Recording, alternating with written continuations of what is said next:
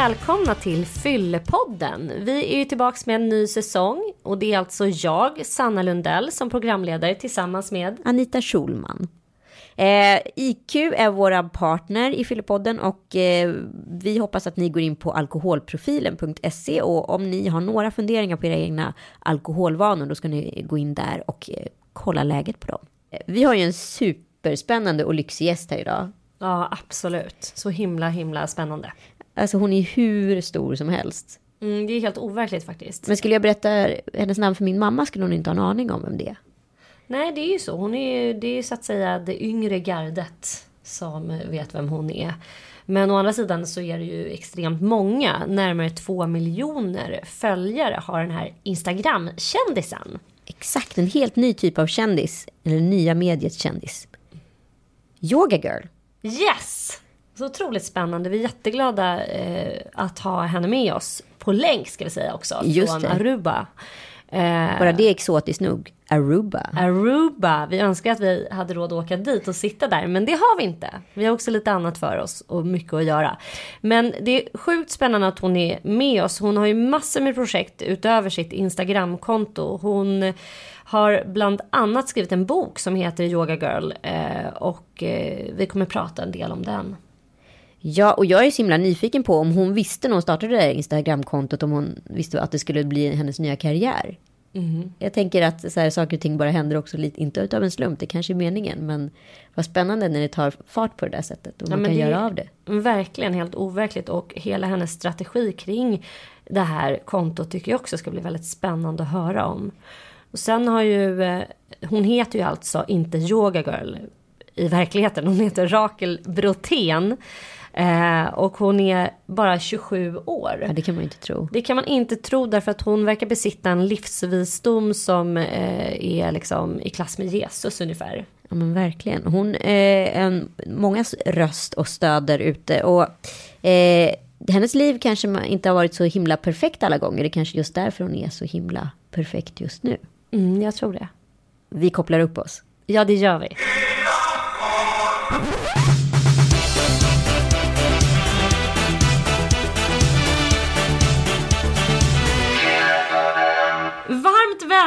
Säger vi till Rakel Brotén. eh, Författare, yogainstruktör och en väldigt stor livsinspiratör på Instagram, även för mig. Eh, Du har ju alltså nästan två miljoner Instagram-följare, det är helt overkligt. Är, Kan du berätta hur, hur känns det? det är lite overkligt. Det är svårt att, att, att inse hur, hur mycket det är. Jag vet inte. Det, man tänker inte på det efter ett tag liksom. Det känns inte så. Men vad var det som hände liksom? Kan du berätta storyn eh, om ditt eh, Instagramkonto? Storyn om Instagram. Jag, jag började bara väldigt eh, som vem som helst. Alltså hade ett personligt konto och delade med mig mer av ja, men selfies och min frukost och ja, bara sånt här vanligt. Men sen insåg jag ganska fort att varje gång jag delade med mig av någonting som var yoga-relaterat så fick jag jättestor respons. För jag, jag tror det fanns inte så mycket sånt på Instagram alls. När startade du, du kontot? Det var i ja, 2012 någon gång. Där. Ja, då var du ganska tidig. Ja, ganska tidigt. Ja, ganska tidigt. Nej, så jag höll på kanske sex månader eller någonting sånt och bara la upp väldigt så här, typiska yogabilder och så var jag ganska teknisk och pratade mycket om positionerna heter och vad de gör för kroppen och du vet, jag verkligen eh, ville utbilda liksom. Eh, så det växte inte jättestort då och sen faktiskt så um, hade jag lite strulig tid med min kille och började prata om det på ett mer öppet sätt, började dela med mig av mer känslor och saker jag hade mediterat över och lite mer, alltså verkligen djup och var mer mänsklig. Och det var då jag började få jättestort respons. Det var så det började växa fort. Nej men för att du är, jag upplever ditt Instagramkonto som nästan mer en blogg. Alltså det är dina texter man vill eh, suga i sig och det är ditt totalt så här öppna och väldigt ärliga sätt att förhålla dig till livet. Jag började följa dig eh, ungefär för ett år sedan eller lite mer och fick vara med under den tiden när din bästa bästa vän gick tragiskt bort i en bilolycka. Ja, det var många som Eh, kom in just då som inte var med sen innan, I know. Men jag tycker det Nej, och det var, det var väldigt, väldigt befriande därför att vi svenskar har ju svårt så här, överlag att förhålla oss till sorg och veta hur vi ska förhålla oss till människor som är i sorg. Och därför var det bara, tycker jag, så otroligt vackert att få läsa hur du bara helt öppet och naket bara delade med dig av sorg och att det också ska vara en, det är liksom en känsla som man inte ska försöka fly ifrån. Jag tror inte att det bara är svenskar, jag tror att det är människor överlag. Det är en sån, alltså en sån fruktansvärd eh, sak. Folk vet inte hur de ska relatera sig till när andra går igenom det, men det är en sån sak som händer nästan alla, alltså i princip alla någon gång, någon gång i livet. Det är så, det går inte att undvika. Mm. Du tappade nästan 100 000 följare i det här skedet. Ja, direkt. De sa tack och hej. Direkt? alltså de, jag tror de, de som var mer bara intresserade av att se någon, någon tjej i bikini stå på händer. Jag tror de flesta lite så creepy dudes, de drog direkt. Vilket på det stora hela var ganska skönt, tror jag. Det var mer, den communityn som, som var, blev över var väldigt äkta och genuin och, och verkligen intresserade. Eh, jämfört med liksom det här ytliga och folk som inte bryr sig så mycket om att, ja, vad, vad det gör. Ja, men det är också en härlig grej tycker jag med ditt konto. att det verkar vara så att du får förhållandevis lite hat. Alltså du lägger ju ändå upp bilder på dig själv där din kropp exponeras ganska eh, mycket. Eh, och ändå så, så, tycker jag mest att det verkar vara kärlek. Visst, ibland blir du sur och säger ifrån och tycker att folk är dumma och så här, men det verkar ju ändå som att det är mest eh, kärlek. Är det så? Det är verkligen så. Alltså väldigt, väldigt mycket kärlek. Jag tror folk har kopplat på en mer mänsklig nivå. Alltså eftersom, för att jag har lämnat ut mig och varit väldigt öppen och varit en riktig person och inte bara någon, ja, någon tjej på andra sidan jorden som yogar utan jag är en, en människa för jag har visat det. Så är folk mer mänskliga och mer, eh, mer, mer de är snällare med mig. Men det här är ju... Så du kan jämföra någon som har samma, samma storlek på konto och det är så mycket hat, alltså så mycket random bara elakheter som av ingen anledning alls. Och jag har väldigt, väldigt lite av sånt. Mm. Det här är ju någon typ av verklighets Truman show utan att eh, de som är med i, i programmet spelar några roller. Eh, och hur är det att, att liksom vara känd genom att vara privat? För det är en ny typ av kändisskap, eller hur skulle man uttrycka det? Ja, det är ganska konstigt på ett För det är ingen som känner igen dig på gatan, men alla känner igen dig på Instagram, eller? När vi är i USA är det väldigt mycket på gatan. Är det så? Gud, ja, när vi reser och, och speciellt i yoga och hälsokretsar och sånt, alltså väldigt, väldigt mycket. Men det är, folk är så himla, himla positiva. Jag får väldigt mycket spontankramar på stan. Jag har haft jättemycket folk som kommer fram och bara gråter för att de har kopplat någonting väldigt personligt till någonting jag har skrivit och att det har blivit verkligen en sån här djup connection som jag tror att det går inte att skapa om du inte är sårbar. Men man kan ju inte komma ifrån ändå att i, i, på ditt, om man följer dig på Instagram så får man en känsla av att du lever det liksom perfekta livet. Du yogar, du är på stränder, du har en superhärlig man. Eh, och du verkar vara extremt liksom, lycklig. Eh, stämmer den här bilden överens med verkligheten? Är du sådär lycklig? Alltså när jag inte är lycklig så säger jag det. så, så jag hoppas att folk inte tror att jag är sådär lycklig varje dag hela tiden. Utan när någonting händer, vilket ja, tyvärr senaste ett och ett halvt åren har varit så grej efter grej efter grej, så har jag varit öppen med det. Alltså allt från att ja, min bästa vän gick bort, sen min hund, sen min mormor och sen försökte min mamma ta livet av sig. Det här var på mindre än ett år.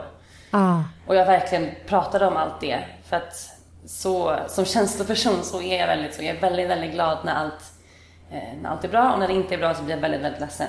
Alltså jag har inget sånt här mellan, eh, ja, jag har inget mellanstadie. Det, det är oftast antingen eller. Finns det några baksidor av att vara så här offentlig med sina känslor? Ja, alltså det gör det. Mest att eh, jag är väldigt överväldigad när det gäller eh, alltså känsla av ansvar för människor som hör av sig och vill ha hjälp och support. Mm. Så jag tror att just för att jag har varit så öppen med, med så mycket så är det många som tror att men gud, okej, okay, hon är expert på det här. Eller om det är Alltså jag, får, jag har fått tusentals mejl från människor som har förlorat någon och som hör av sig för att de vill ha stöd och de undrar hur tog du dig igenom det här? Mm. Men jag är ju ingen expert eller psykolog eller terapeut eller ingenting sånt. Jag är ju bara, jag är bara yoga girl liksom. Så det är allt från människor som är deprimerade eller som har förlorat någon till eh, alltså självmordsbrev som jag har alltså fått flera, flera gånger från unga tjejer som ja, mitt i den här värsta stunden i livet så tänker de, okej nej men vänta, kanske Yoga Girl kan hjälpa mig. Men gud, hur, hur, hur, hur reagerar du på det? Nej men det är jättesvårt. Alltså gud, det har varit, det är verkligen en sån här kamp. Ja, och nu är det, det är så många, alltså det är hundratals såna här mejl om dagen så vi har ett team som hjälper mig att gå igenom saker och när det är någonting verkligen akut, jag kan inte svara på allt längre. Nej. Så vi har en liten folder i vår inbox som heter Love och där går liksom akuta grejer som behöver, folk som behöver hjälp nu. Och då svarar jag och försöker koppla och prata och så frågar jag alltid var de är i världen, ser om det är någon jag känner i det området eller någon, någon jag kan hitta där de kan möta någon face to face. För det går inte att sitta på internet med sådana här tunga saker och tro att allt ska lösa sig på Men internet. hur är det att hantera så mycket sorg? Ja, det har varit jättetufft. Alltså gud. Men vi har, jag håller på att launcha ett nytt projekt som heter 108 som har fötts just av det här, äh, av det här problemet. Av att, jag inte, att det inte har funnits någonstans att dirigera alla de här, de här människorna som behöver hjälp. Just det, jag såg det. Det ser väldigt, väldigt spännande ut. För att förklara för, för lyssnarna, kan du bara kort beskriva, vad är 108? 108 är en plattform för, för healing med en bas i yoga. Så du kan komma och yoga online med helt fantastiska instruktörer från hela världen och vi har meditation och, och, och mat och allt sånt där härligt och hälsosamt. Men sen har vi eh, människor som är jätteduktiga på det de gör inom, inom sorgarbete, inom body image, inom eh, ätstörningar. Mm. Alltså verkligen terapeuter, psykologer som är där och har eh, ja, alltså skapa en bas för folk som behöver den här hjälpen för det verkligen behövs. Så om man går in där så kan man, om man mår akut dåligt eh, och känner sig inspirerad av dig och vill hitta en vän som dig, då kan man gå in där och eh, få hjälp på olika sätt. Är det så? Yes. När du startade eh, kontot Yoga Girl, hade du en aning om att du skulle göra det här idag? Nej, ingen aning alls. Herregud, jag bor på en liten liksom, karibisk ö. Vi har hundratusen människor på hela ön. Mina yogaklasser här är så här tio personer som kommer. Nej, svårt att föreställa sig. Men du, om vi backar bandet lite grann. För att eh, jag har ju då läst din fantastiska bok Yoga Girl. Som är en, kan man säga, en självbiografi och sen en praktisk liksom, yogaguide också. Men där eh, i kan man läsa att du inte alltid har mått så bra.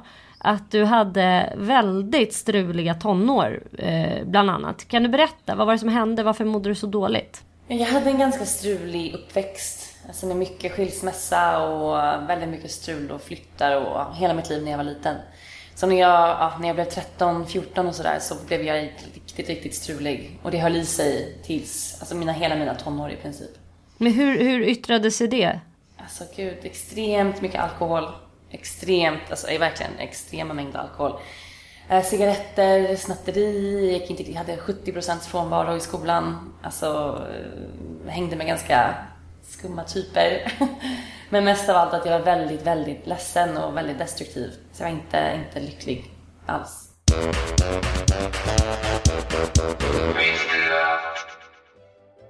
I en SIFO-undersökning som IQ genomfört svarar mer än hälften av de boende i Sverige att de tränat dagen efter att de druckit alkohol.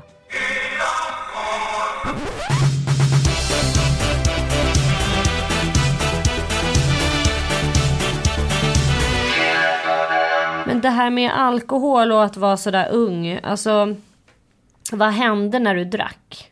Gjorde du det för att döva dig själv eller Gjorde du det för att förhöja livet på något sätt eller varför drack du? Alltså det var nog för att döva, tror jag. Absolut. Jag, hade, var väldigt, jag var så... Alltså jag var aldrig nöjd någonsin med någonting jag gjorde. Utan jag har alltid varit, var alltid väldigt duktig i skolan och lätt att lära och så. Men det spelar ingen roll hur, ja, hur bra jag hade det på proven. Jag var aldrig någonsin nöjd. Och tyckte alltid att jag var för tjock eller för ful eller för dum. Så jag tror att alkohol var ett sätt för mig att bli liksom, eh, ja, bli högljudd och cool och ball och vara var tjejen som kände alla och var, var den som alltid kunde fixa sprit på alla fester och den som festade varje dag. Och, ja, jag fick liksom en, en identitet via alkoholen. Men hur, hur hanterade dina föräldrar den här perioden i ditt liv? Alltså, det måste ha varit ganska jobbigt för dem att se sin tonåring bara spåra ur så där mycket. Ja, absolut. Alltså gud, de fick ju Alltså jag var 12 tror jag första gången de insåg att jag hade tömt spritskåpet hemma. 12 år? Så, ja, jag var jätte, jätte, jätteung. Så jag tror när jag var 13, 14, det var liksom ingen, de kunde inte ha någon alkohol i huset överhuvudtaget. inte, gick inte att lita på mig överhuvudtaget. Det ja, måste ha varit jättetufft. Såklart. Men vad gjorde de då? Satte de gränser? Var de auktoritära? Var, försökte de tvinga dig att lägga ner? Eller vad, vad gjorde de? De gjorde vad de kunde, tror jag. Men jag, jag har alltid varit väldigt, eh, väldigt stark personlighet. Så för mig var det, jag gjorde precis som jag ville oavsett vad. Om de, jag fick utegångsförbud, då hoppade jag ut genom fönstret och så kom jag inte tillbaka på tre dagar. Såna Känner i och för sig igen det där. Men... Jobbigt. Ja. Men du, eh, den här perioden, det kan man läsa om i boken också, resulterade i att din mamma eh, tog till ett kanske ganska så här, udda sätt för att, för att liksom skaka om dig lite grann. Hon skickade helt enkelt iväg dig till ett retreatcenter som heter Bara Vara va? Ja, precis. Hur gammal var du då? Då var jag, hade precis fyllt 18. Och hur var det att liksom hamna där bland bland eh, utbrända bankdirektörer och andra så här 40 krisande kvinnor? Alltså jag var yngst i gruppen, gud att jag var. Um, nej men det var en hel, gud det var en sån verklighetscheck eh, uh, nästan. Alltså jag ville verkligen inte åka dit. Jag grät hela tågresan dit och hade bara total panik. Vände nästan i bilen på väg från tågstationen och sen uh, åkte dit ändå. Och jag insåg direkt att att jag hade så mycket att ta itu med från min barndom, från när jag var liten, som jag aldrig någonsin hade fått, fått göra. Mm. Det var väldigt mycket tunga, tunga saker som jag gick och bar på. Mycket ansvar och mycket, mycket sorg och ilska. Så för mig, just det här att finna meditation var en sån stor grej. Just att, men gud, jag behöver inte vara slav efter den här lilla rösten i mitt huvud som säger att jag inte är, att jag inte duger hela tiden. Men det finns ett annat sätt, alltså det finns ett annat sätt att leva, det behöver inte vara så här. Var det, var det i samband med det som du började intressera dig för yoga också eller? Uh, inte riktigt, utan jag, jag började med meditationen. Men jag hade, jag haft väldigt mycket ryggproblem hela, hela livet. Eller ja, sen jag var uh, ung, ung tonåring. Så jag var livrädd för yoga och för att röra mig på konstiga sätt. Jag hade alltid ont i ryggen. Så det tog nog ett, uh, ett år till i alla fall minst innan jag blev, ja, innan jag började, innan jag tog min första yogaklass på riktigt liksom.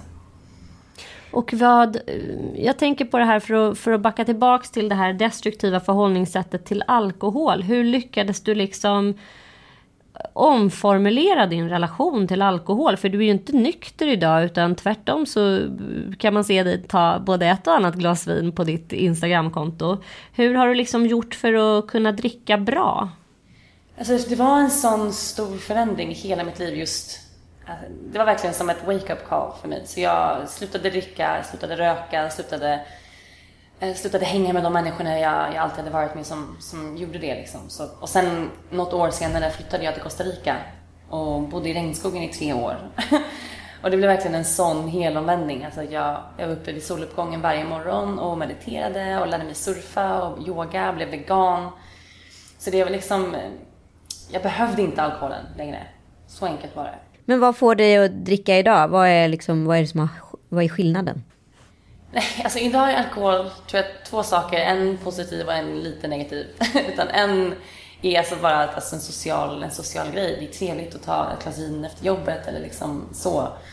När vi är hemma, jag och min man, vi dricker väldigt, alltså vi går inte ut, det är ingen fest. Det går nästan inte i princip. Och, och, och vi, har inga, vi har inga klubbar här på Ruda, vi har inga barer liksom så, utan det är väldigt Eh, men ta en öl vid solnedgången eller ett glas vin hemma. Liksom, så. Men jag har insett faktiskt på senare år, nu när jag reser så extremt mycket och väldigt har stress i livet för första gången på, ja, någonsin. Så har alkoholen nästan blivit så att efter slutet på en lång dag och kunna ta ett glas vin har varit så här: okej, okay, så här varvar jag ner när vi reser. Mm. Och det är inte så här 100% tycker jag. Vad kan man göra Nej, istället då? Har du börjat, eh, kan du ge oss några tips på hur kan man, om man har haft en väldigt stressig dag och varit, eller ute och rest eller vad man nu har gjort i sitt arbete som har varit stressigt. Vad kan man göra istället för att ta ett glas vin liksom? Alltså det absolut bästa är att ta en yogaklass. Ska jag göra. Fast det kanske inte alltid ligger top själv. of mind hos alla. Nej, det gör ju inte det. Och inte ens hos yoga girl. Liksom, och inte ens hos yoga girl. Alltså när jag är, vi kan ha sådana dagar att vi är uppe klockan fem och sen är vi klara klockan tolv. Liksom, för mig att säga, ja nu ska du ut med yogamatta och yoga. Nej, Jag vill bara lägga mig ner. Alltså, kan någon ge mig ett glas vin så jag bara kan stänga av min hjärna den här dagen. Mm.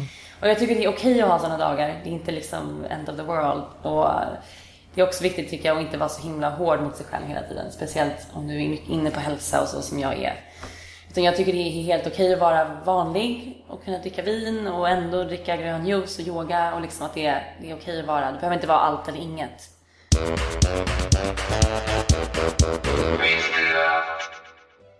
Enligt en undersökning som IQ låtit Sifo genomföra uppger drygt hälften av de svarande mellan 18 och 34 år att de i samband med träning skulle vilja få information kring hur alkohol påverkar deras träning.